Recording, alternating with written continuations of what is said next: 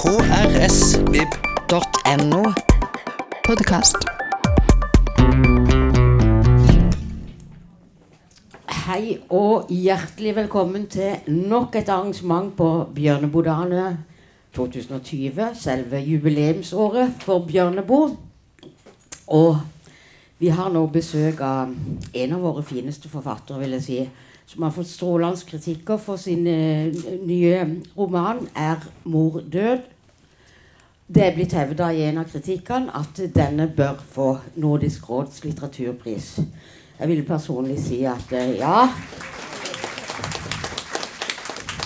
Og at det kanskje hadde vært mulig også før. Men iallfall ta godt imot Vigdis Hjorth.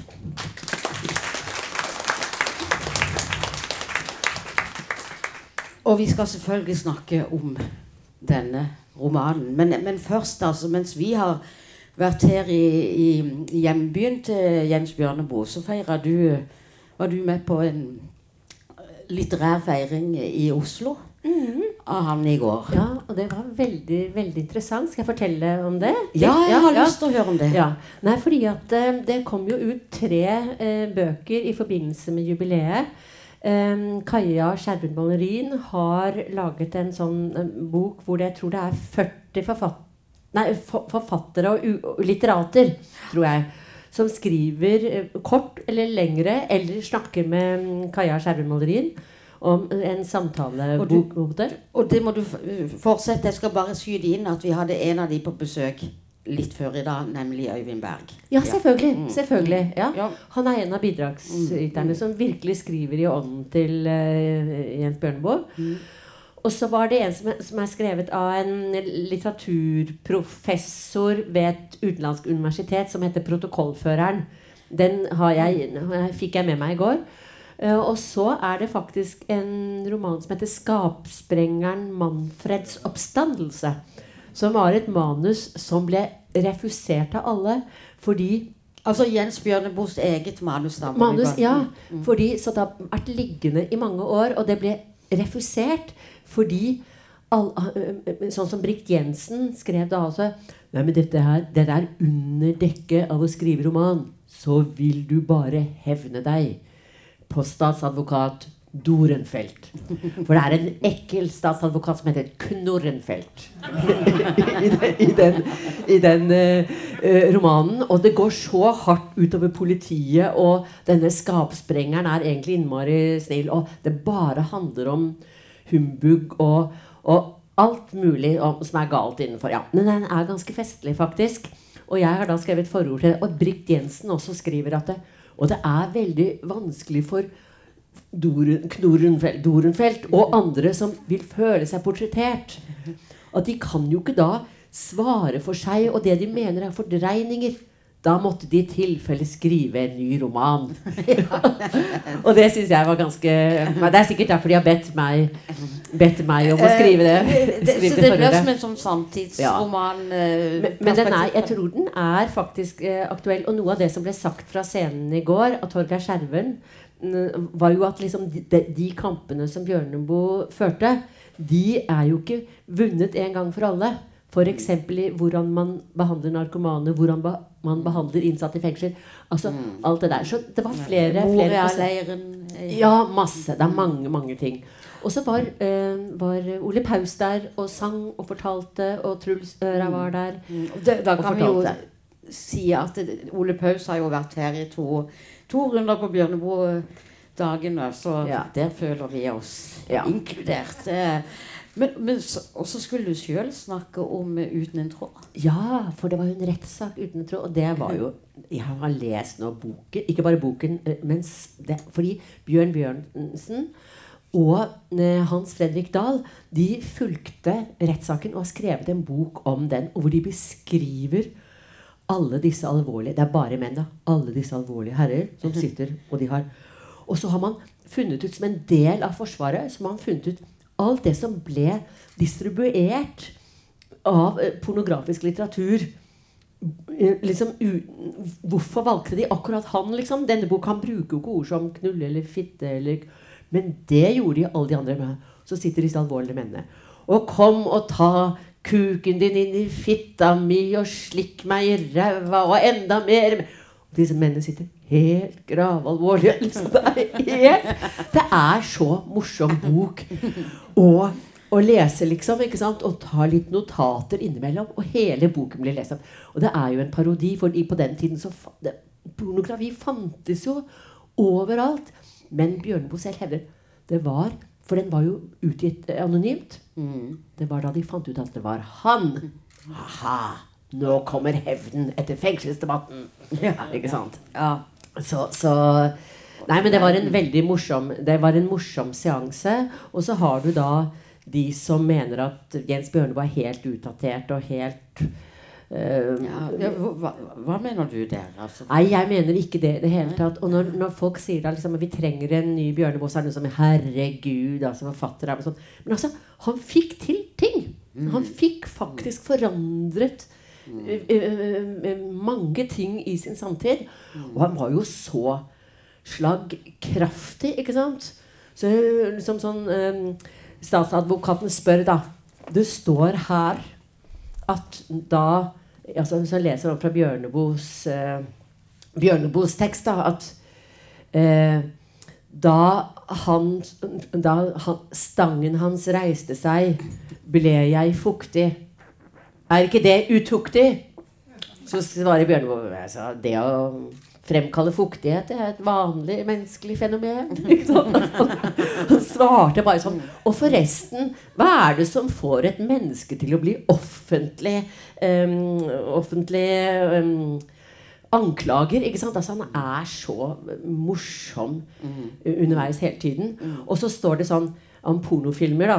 Å lage- Det var jo også greie. Men det var ikke lov den gangen å vise et erigert lem.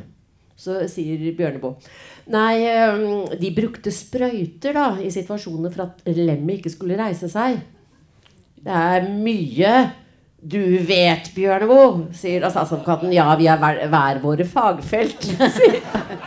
Nei, det var, det var det var kjempe, øh, kjempe øh, Og, og som, som jeg nevnte når vi satt her ute, at i en del saker som kan være litt morsomme altså Vi følger jo alltid på en måte teatret som foregår i USA for tiden, eller Bertheus-saken, som jo er på en måte underholdende, og samtidig så er det noe veldig vondt og smertelig. For det er, Men i den uten en tråd så er det jo ikke noe offer. Det er fiktive figurer. ikke sant? Så det er lov å le. Men det var det le nærmest. da. ja, men det eh, Bjørn Bjørnsen sa da det var, det var jo ingen som lo noen gang. Alt var helt stille sånn. Og så fortalte han eh, Bjørn Bjørnsen da, Så vi gikk sånn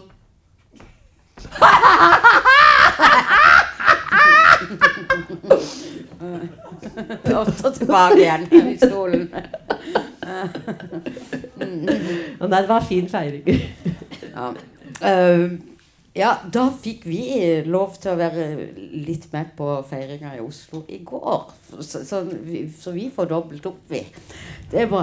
Men uh, så, så, skal vi jo selvfølgelig snakke da om en mordød. Eh, der møter vi den internasjonale kunstneren Johanna, som vender tilbake til Norge øh, etter 30 år i USA som gjesteutstiller. Eh, og som ung uh, så droppa hun jusstudier for å følge både kunstnerkallet og kunstnerlæreren til USA. Som og liksom skilt, bare dro fra sin mann. Og dette var en slags skandale. Mhm. Ja, hun er jo vokst opp i det som vi kaller liksom et sånt høyborgerlig hjem.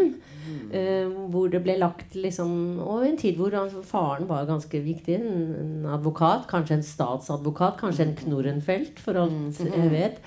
Men, men eh, eh, og, og, og som legger sterke føringer. Og hun er jo flink til å tegne.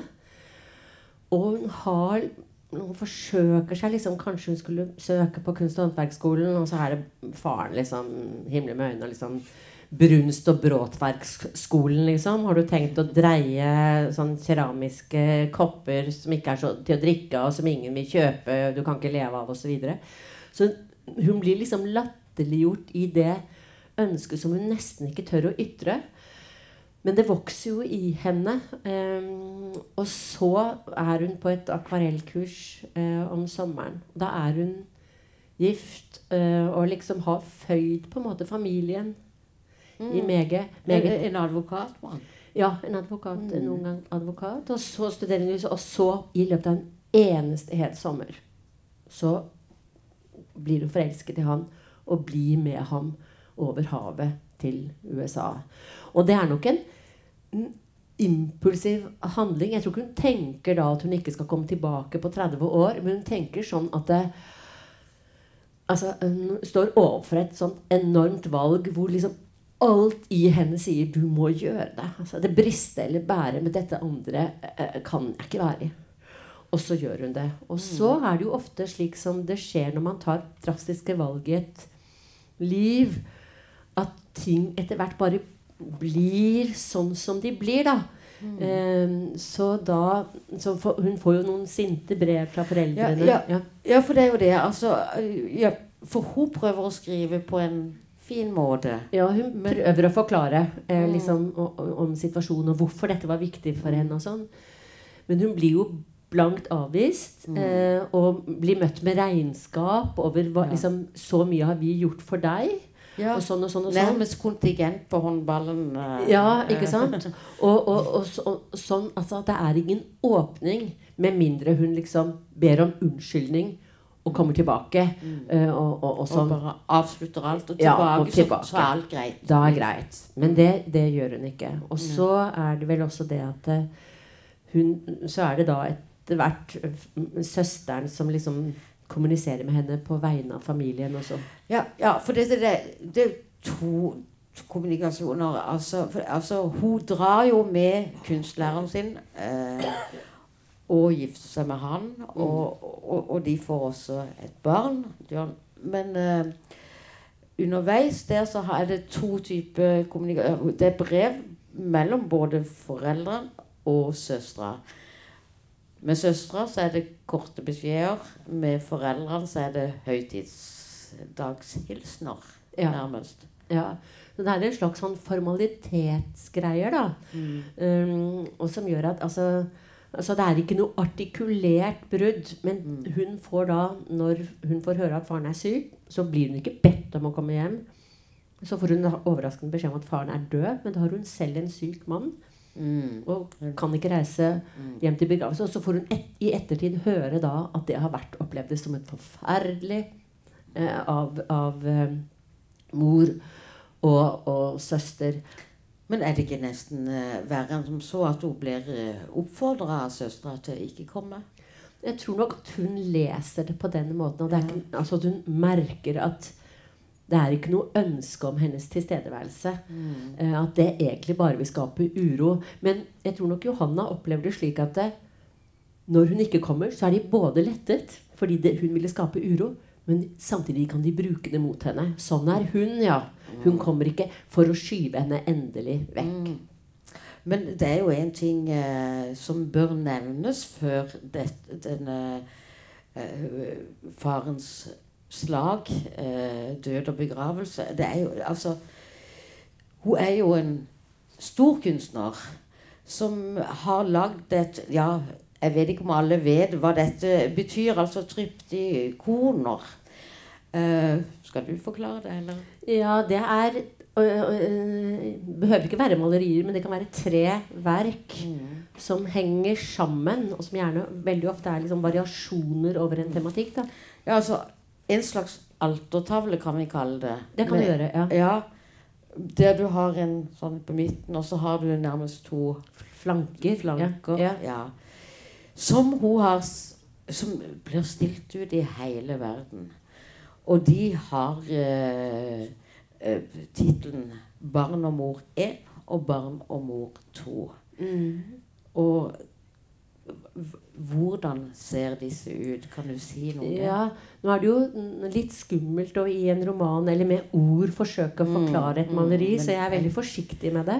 Ja, men, det er, litt, men det er ja, men du, du, kan, det, du ser vel en morskikkelse med sånn svarte, imploderende sånne øyne som sorte hull som suger alt til seg, og et barn liksom altså Som ikke selv Moren ser ikke lykkelig ut. Et barn som sitter liksom nede i en krok som ikke ser lykkelig ut.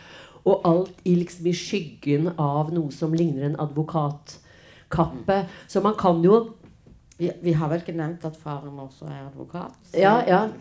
Så, så, jeg, så det er, men, men, disse bildene har hun jo laget i USA. Hun har jo ikke mm. tenkt at de skulle stilles ut i Oslo, men de har jo vært rundt i verden. Og når hun da får forespørselen om de skal stilles ut i hjembyen, så er hun litt nølende. Men da sier hennes mann og sier altså, disse har vært rundt i verden. Det må du mm. kunne gjøre.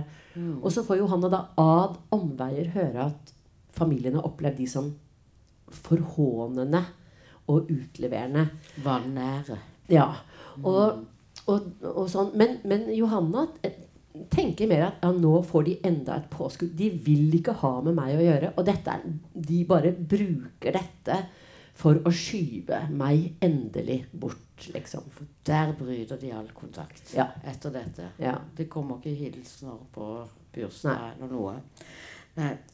Og, og, altså, som sagt, over hele verden så gjør altså disse bildene uh, lykke uh, Og der ja, Som er, er, interessant i forhold til både ditt forfatterskap og i forhold til romanen her, altså.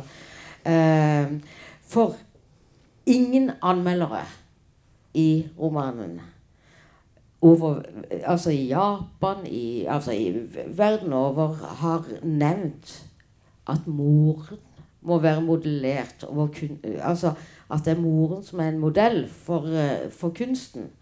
Men moren som en generell størrelse som motiv. Og som dermed Altså, man kjenner gjenklang i det med en mor, en datter, i der utstillinga ble vist verden over. Mm. Men hjemme i Norge, lokalt i familien, så blir det som en skam. Mm. Og det er litt interessant. Jeg tenkte på altså, Nå eh, snakket intervjuet jeg Tore Renberg i stad. Og han skriver om en, da, en aldrende far som har to barn og et vanskelig, veldig vanskelig forhold.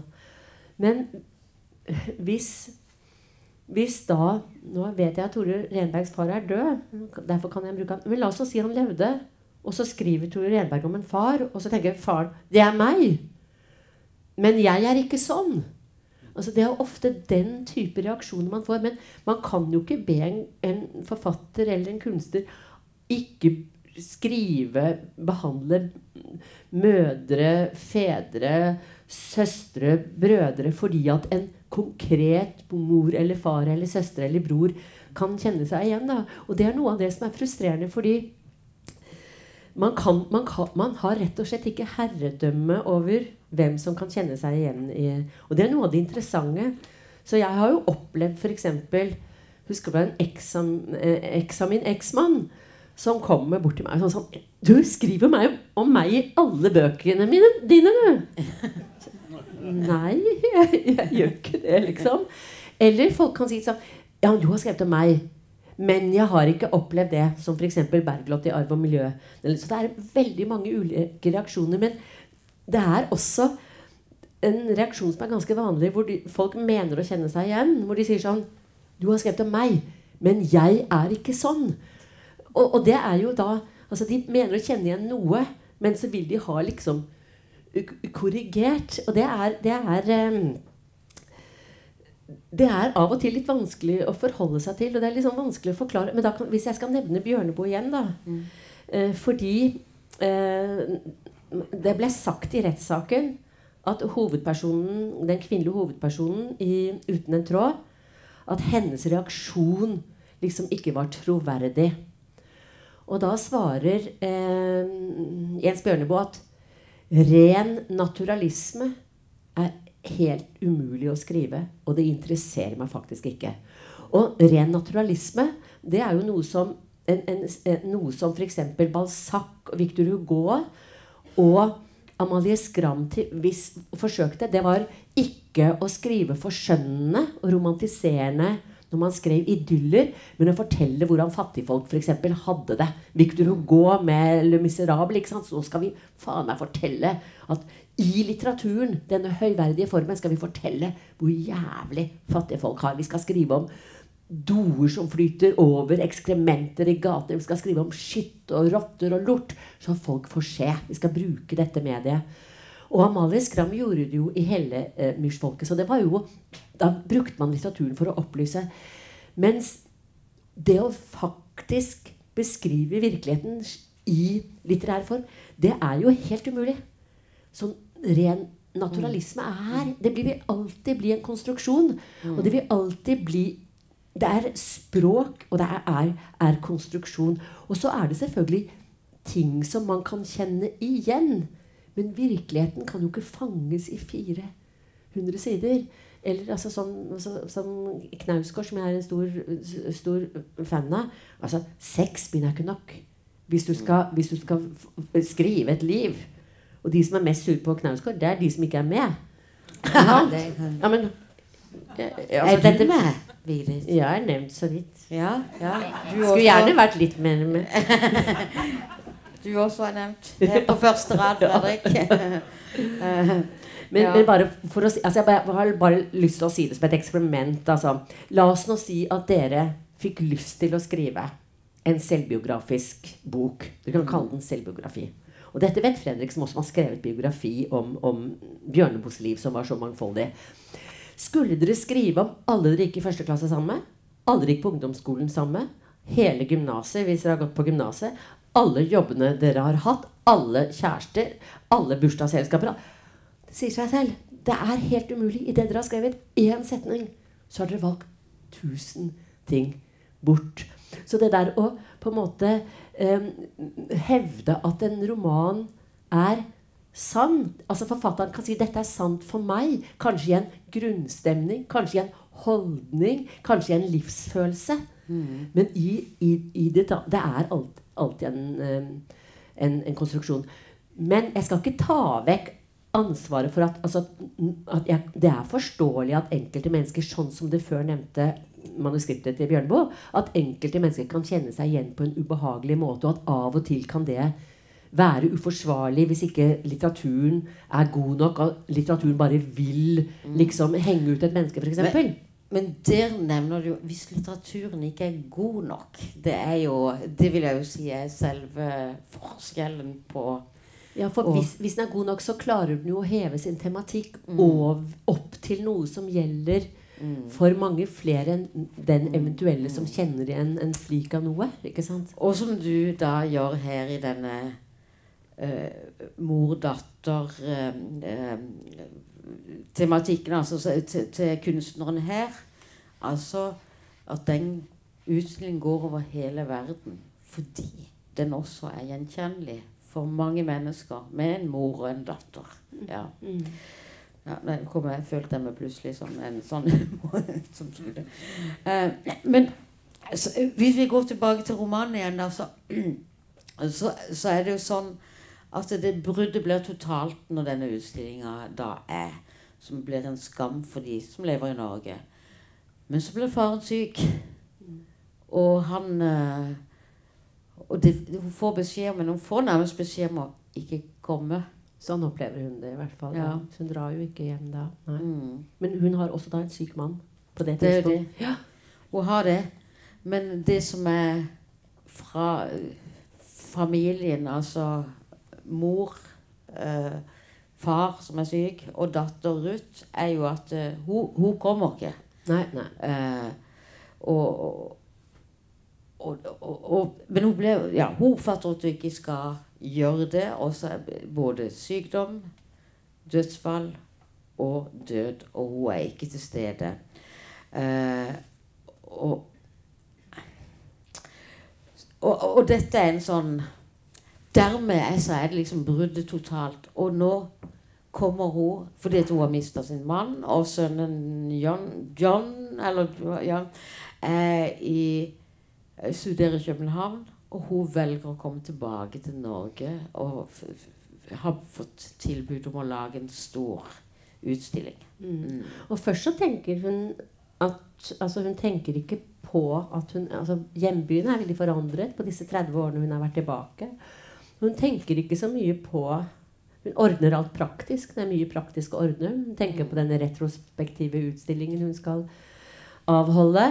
Eh, men så begynner hun komme Hun begynner å se eldre mennesker. Hun begynner å tenke på at hun kan komme til å støte på moren sin. F.eks. på jernbanestasjonen eller i sentrum. Eller Og begynner da, når hun ser eldre mennesker, eldre kvinner, å si Gud kunne vært mor. Og så på de aller første sidene På den første siden, tror jeg, så har hun ringt moren. Ja, hun har det. Hun, men anropet blir avvist. Og, men, og det som forbauser henne selv, er at hun føler en sånn enorm skam over at hun har ringt i det hele tatt. Hvorfor? Og hun forstår det ikke helt. Hvorfor ringte jeg? Hva er det jeg vil? Men dette at anropet blir avvist, blir jo noe som også trigger henne. For det vet alle at kunnskap og informasjon vi er avskåret fra, det trigger oss. La oss si at vi har vært levd sammen med et menneske i mange år, en kjæreste eller ektefelle, som plutselig vil skille seg fra oss og har funnet en ny. Og, og så ah, vet du ingenting om det nye livet. Da blir du veldig sånn kunne finne på å kjøre opp og se forbi. Og har han en ny kvinne, liksom? Han, er det derfor han dro fra meg, eller hun dro fra meg? Eller, så dette at hun blir avskåret fra det, setter i gang en sånn prosess av nysgjerrighet hos henne.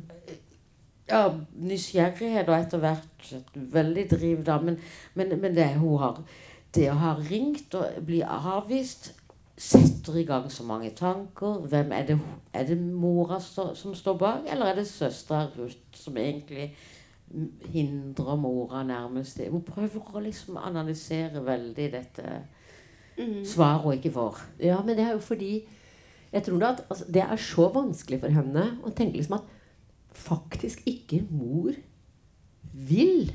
Altså, mor er 85 år. Kan snart dø, liksom.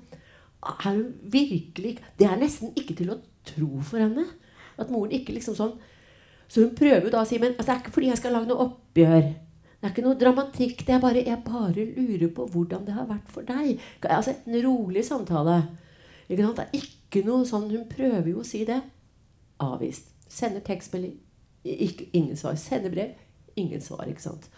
Og da tårner det seg litt opp igjen. Og da er det mye lettere for henne å tenke ja, men det er sikkert det er sikkert Ruth. ikke sant?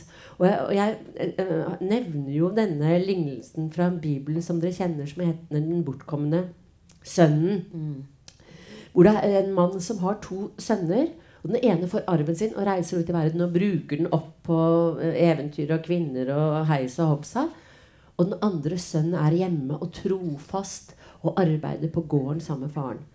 Og så kommer denne bortvendte, eller bortreiste, bortkomne sønnen.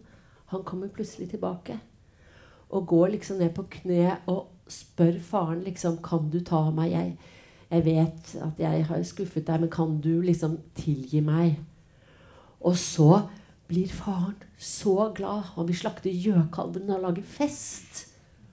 Og Rembrandt har malt et, malt et nydelig bilde som heter 'Den bortkomne sønnen', hvor du ser at liksom faren er så glad han har fått sitt kjæreste tilbake. Og, og sønnen er ydmyk og venter. Så ser du bildet av den sønnen som har vært der hele tiden. Som er helt sånn grønn av sjalusi i bakgrunnen. 'Jeg har vært der hele tiden. Jeg jobber trofast og sånn. Meg blir det ikke laget fest for.' Ikke sant? Men dette er jo et bilde på Guds kjærlighet. At Gud er villig til å ta imot alle sine villfarne barn. Men menneskene er jo ikke som Gud.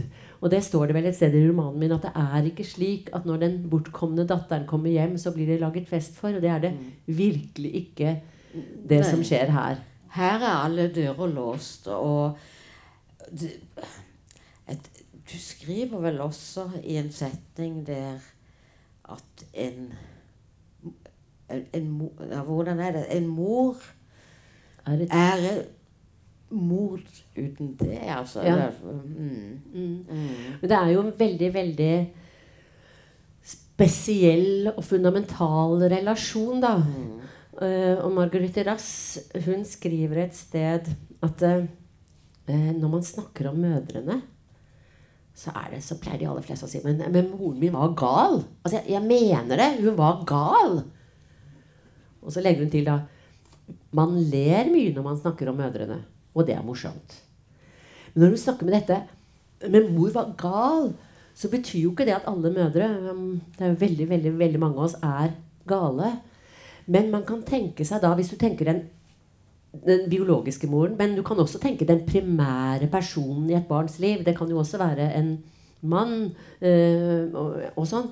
Eller en kvinne som ikke har, har født. Men hvis du tenker den, den mest vanlige, da, at barnet bor i moren i ni måneder, blir født Du må faktisk vold og kniv til for å kutte de fra hverandre. Men idet de er blitt separate, så legges barnet på og suger næring av morens bryst og titter opp i ansiktet på dette mennesket de ikke kan leve uten. Ikke sant? For, og et barn som ikke blir tatt vare på av sin primærperson, dør jo og dette barnet studerer dette mennesket som er gudelignende. ikke sant? Det er ikke godt at jeg har lyd. Jeg tror du på ja, Du har så mye å gjøre, Randi, så det er ikke noe rart i det. Det er faktisk min datter som ringer, men jeg, ja. det tar han ikke da. Unnskyld. Nei, no, hva slags mor er det som ikke tar, som ikke tar telefonen? Og som til og med har satt barna bort i fem dager, liksom. Ja, oi, oi, oi. Ikke fortell dette til noen, dere. nei, men unnskyld. Nei da, nei da. Men, men, jeg, men jeg tror nok at, at, det uh, uh, Barnets blikk det er det. Også hvis du ser på en barnevogn, og så står det en mor som bøyer seg over barnevognen Bitte, bitte lite her altså, De er jo gale. Og så tenker jeg også at det er jo noen barn Nei, noen, noen mennesker som aldri har blitt elsket på den måten som de blir av sitt barn. Altså Det er jo mange kvinner og menn som aldri har blitt elsket på den måten. Barn kommer ut, og det elsker. Og noen elsker å bli elsket på den hengivende måten. Så har, jeg husker da jeg satt på kafé, og så er det så går moren til et sånt barn på tre måneder ut av et rom, og så begynner barnet å skrike. Og så ser du moren blir helt oppglødd. 'Han gråter bare jeg går ut av rommet!' Og noen kan jo da ønske å for, forlenge den symbiotiske følelsen fordi de nærer seg på kjærligheten og hengivenheten, slik at de vil forhindre på en måte den gradvise på en måte utvikling vekk, separasjonen vekk fra, fra moren som må til. Da. Og jeg tenker jo av og til og, og, og, ba, uh, Mor og far har jo ofte gudelignende status for barn, men at foreldrenes oppgaver er også å lære barna at foreldrene er feilbarlige mennesker som gjør feil og er dumme og alt det der. Men noen vil ikke ned fra gudestatusen og tviholder på den. Og der innbiller jeg meg litt at både moren og faren til Johanna ikke vil gå i, altså De vil ikke gå i dialog om det som har vært vondt eller smertefullt, men vil opprettholde sin status som de som er, som har gjort riktig og, og, og har makten, eh, rett og slett. da. Men altså denne moren på mange måter Johanna, Johanna som er hovedpersonen har, prøver jo selv om altså, kontakten er brutt, og hun har ringt telefonen. Den blir ikke besvart. Hun prøver på mange måter også å forstå at det er kanskje ikke hennes skyld. Altså Før uh, faren døde, så var det nok han som tok bruddet. Og nå er det nok dattera, altså søstera som, som er årsak. Altså prøver i det lengste å gi Eh, mest mulig håp til at eh, hvis du bare sto på bordet ja, så, så vil de kanskje hatt kontakt, eller? Ja. Men jeg tror nok at det som skjer i løpet av romanen, fra at liksom Johanna ikke er så opptatt av dette, til at hun blir liksom på en måte nesten hekta på dette, ja. så oppstår et erindrings- og erkjennelsesarbeid. Mm. Hun har jo ikke tenkt så mye på barndommen sin. Mm. Men hun begynner, og når hun begynner å tenke, så tror jeg det står sted Å, jeg forsto at også mora har hatt en barndom. For hun husker noen tidlige møter hvor hun har opplevd moren sin som eh, skjelvende og redd og svak. Og det viser seg jo da at Eller viser seg, det visste han, men har ikke tenkt så mye på det. At moren, da hun var bare ett år, så døde hennes mor. Og faren var krigsseiler og alkoholisert, så han kunne ikke ta seg av henne. Så ble, moren til Johanna ble satt bort til en onkel og tante på et fattigslig bruk på Hamar sammen med en kusine. Og det har sikkert ikke vært en lett oppvekst. Har sikkert vært følelsen av at du har vært på nåde osv. Men hun er veldig vakker. Og så kommer denne advokaten og på en måte snapper henne opp og fører henne inn i høyborgerskapet. Og da Og, og det derre å snakke om eller behandle barndomstraume, krigstraume, det er, jo- det er jo ikke noe å skryte av, det der fattigslige småbruket på Hamar. Så det nevnes aldri. Og Johanna husker bare at de av og til dro opp dit og, og var der kort for å hente en halv slaktet gris til jul, liksom. Og, og så, men så er det slik at moren da langsomt forandrer seg fra å være en skjelvende som prøver å lære, til at hun behersker alle kodene for sømmelig og korrekt oppførsel og, og konvensjoner og regler, skrevne og uskrevne, og bruker det som et kompass til hele kommelsen.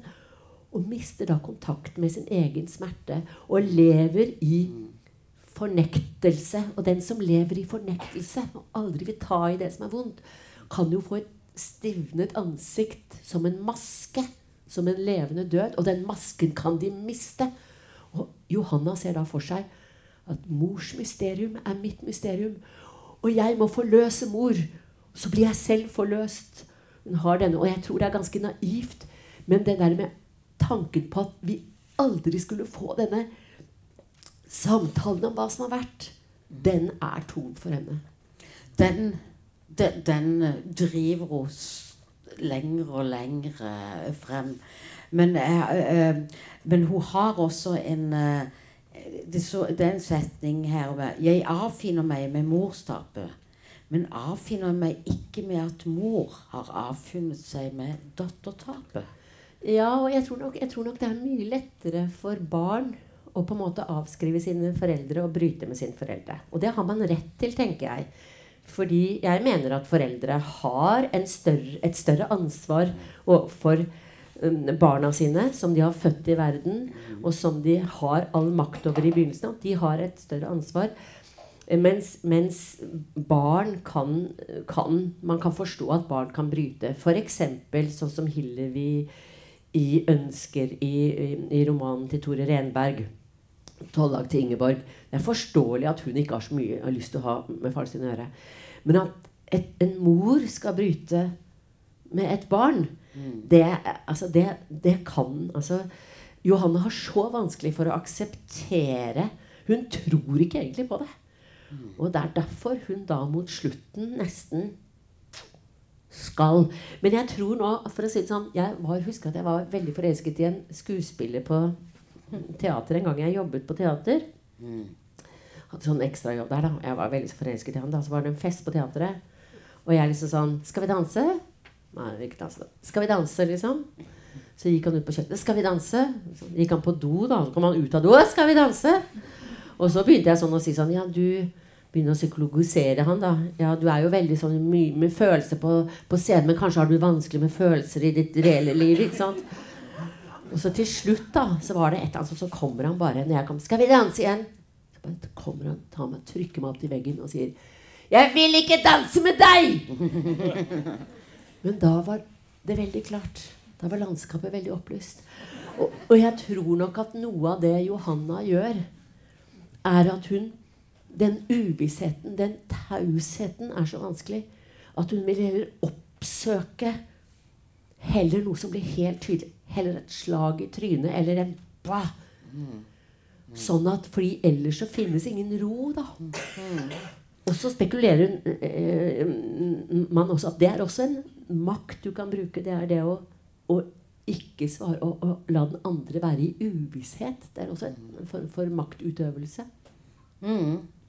Eh, men eh, altså her altså, Fra Johanna kommer hjem så man Egentlig får den retro-utstillinga, men som viser seg å være liksom det der eh, med, fra den telefonen som ikke ble besvart. Altså, Så, ja, det ble Altså, hun er ikke Altså, da skal dere også vite at Der hører du også eh, Vigdis Hjorth er et morsomt menneske, og det får du også veldig frem nærmest her. altså det, det er kamuflasjeutstyr. Altså, det er jo egentlig trist, men samtidig skrives så han godt.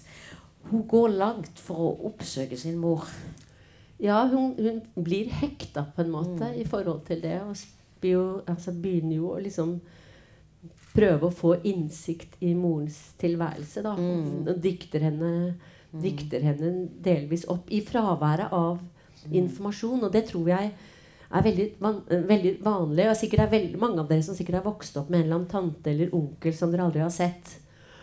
Og når man da spør liksom om hvorfor er ikke tante Agnes eller onkel Knut liksom så det vil ofte være liksom sånn litt taushet, men det vil også være sånne historier som går sånn at ja, men han der var aldri noe greie på han der onkel Knut, og hun tante Agnes hun drakk alltid for mye, eller det ble mye drama når hun var her, eller sånn. Og disse historiene, når disse blir når disse på en måte blir overbrakt i og, og liksom Og da rettferdig man, gjør man da at enkelte familiemedlemmer er borte. Og så blir disse, disse historiene sementeres og det er innmari vanskelig da, hvis det melder seg et menneske uh, og, sånn, og så kanskje det viser seg at det ikke er på den måten. Så har man jo egentlig dritt seg ut eller tatt en feil avgjørelse som man har levd etter og holdt et menneske som egentlig var ok, borte fra familien mange år. Slik at jeg tror det har en tendens til at sånne ting uten at det blir artikulerte brudd, så blir det til, og så blir det innmari vanskelig å reparere. Innmari vanskelig å forsones. For da må, må kanskje begge, men i dette tilfellet særlig mor, må jo gi opp sin livsanskuelse og sin verdensanskuelse. Mm. Uh, Ut ifra å denne uh, romanen Går det an å være nådeløs, nådeløs ærlig kunstner og på samme tid stå på god fot med, med familien. Uh, ja, det tror, jeg, det tror jeg er mulig. Jeg tror det finnes masse eksempler på det. Men det kommer jo an på hva du går inn i. Selvfølgelig. Hvilken tematikk. Uh, for her er det jo bruddet i det hun har den utstillinga. Altså, da er det et brudd. Og da, da er, det er vel på mange måter også en tematikk. Ja, men jeg tror nok også at uh, Altså Johanna tenker i hvert fall at det, er det at jeg dro, som var det verste. At det var en ørefik i forhold til familien, hvordan de lever, deres måte å leve på. Når noen bare reiser fra det, så er det jo å si Den måten dere holder på med, det er ikke noe for meg. Jeg vil noe helt annet. Mm. Uh, og så at hun ikke kommer i begravelsen osv. Så, videre. mm. så jeg, jeg, tror nok dette med, med kunsten mer liksom er et et påskudd, uh, for å si det sånn. Men det er en tematikk der i forhold til det å kunne, uh, kunne gjenkjenne seg, men også de ser jo ikke på Johannas kunst velvillig, da. ikke sant? Altså, de har ingen velvilje. De har mm. nok um, i forhold til å lese hva hun arbeider med. Mm. Og ja hun Nei, jeg vet ikke det blir å gå tilbake så mye, men, eh, men, eh, kanskje Det er jo noe også her med faren og Som kanskje ikke For Johanna var jo en god tegner allerede som liten, som hun ble stolt av når hun er hos, på, på, på sånn foreldresamtale sammen med dattera. Mm, mm. Mens faren mer eller mindre avviser henne som en god tegner. Ja, og det er jo også sånn at f.eks. Johanna får i oppgave på skolen å tegne huset de bor i. Og så tegner hun huset de bor i, som hun tenker det, og så kommer faren og sier Hva faen? Er ikke, sånn ser ikke huset vårt ut, liksom. Mm. Hvorpå han blir opprørt over at det er mm. Og så river han det i stykker. Og så kommer jo da moren for å hjelpe henne at hun vil gjerne at hun skal gjøre leksen sin. Så kommer jo moren og setter seg ned og sånn Men Johanna, du vet jo at huset vårt er gult. Gir henne den gule pennen, da. Eller gule tusjen. Tegner liksom huset. Og så epletre, sier moren. Epletre. Skal ligne, da. Virkelig, ikke sant? Og så forsvinner moren litt ut, og så Johanna tegner, og så er den ferdig. Og så sier moren Men det er jo en katt på trammen. Vi har ingen katt. Nei, men det kan være en katt på besøk, da. Nei, men altså Hvis læreren ser det, så tror hun at vi har en katt, og det er å lyve. Og det er jo da i forhold til den ideen om at kunsten skal avspeile en eller annen virkelighet, og at den er i stand til det, at det ikke er farget av et temperament, og at ingen opplever tilværelsen på den samme måten, og at innen en familie så opplever jo alle eh, Alle har ulike historier om hva slags familie de har eh, vokst, vokst opp i, da. Og eh, ja, her ligger det drama på lur, ting vi absolutt ikke har avslørt her enda, og eh, eh, det er en utrolig drivende kraft i, i også denne romanen til Vigdis Hjorth, så eh, der kan få signert eksemplarer her, og jeg må bare si tusen takk. Men jeg bare si en ting fort. Oh, fort. Bare fort, og det er at Jeg siterer vel også noe som jeg syns er interessant. da Det er fra filmen til Roy Andersson som heter 'En liten dov, en due satt på en gren'. Filosofert over livet eller sånt noe. Der er det to sånn leketøyselgere som er veldig triste, skal selge leketøy. Da, så sitter de på et sånt hotellrom. På hvert sitt hotellrom, og så er den ene sitter, og så spiller han 'Kjære lille vakra, om du vil høre meg med hoda hjertet til'. Så, så, møtes vi, eh, så møtes vi i himmelen, hvor vi møter far og mor igjen. Sitter han og spiller det siste verset om igjen og om igjen. Så kommer vi til himmelen, hvor vi møter mor og far, mens tårene triller. Og så kommer han andre kollegaen og sier hva er, hva er det for noe? Du, den musikken, og du sitter her og griner. Ja, men jeg vil ikke møte mor og far i etter himmelen. Og jeg tror faktisk det er ganske vanlig blant oss at det er ikke det første ønsket vi har. Det er fint. Tusen takk for at, du, tusen takk for at dere kom. Tusen takk, Vigdis Hjorth. Nå må du ringe datteren din. Ja, ring hjem til barna. Det skal jeg gjøre iallfall. Takk for det. Flere podkaster fra oss finner du på Google Podkast, Apple Podkast eller iTunes, eller ved å stikke innom vår hjemmeside på krsbib.no.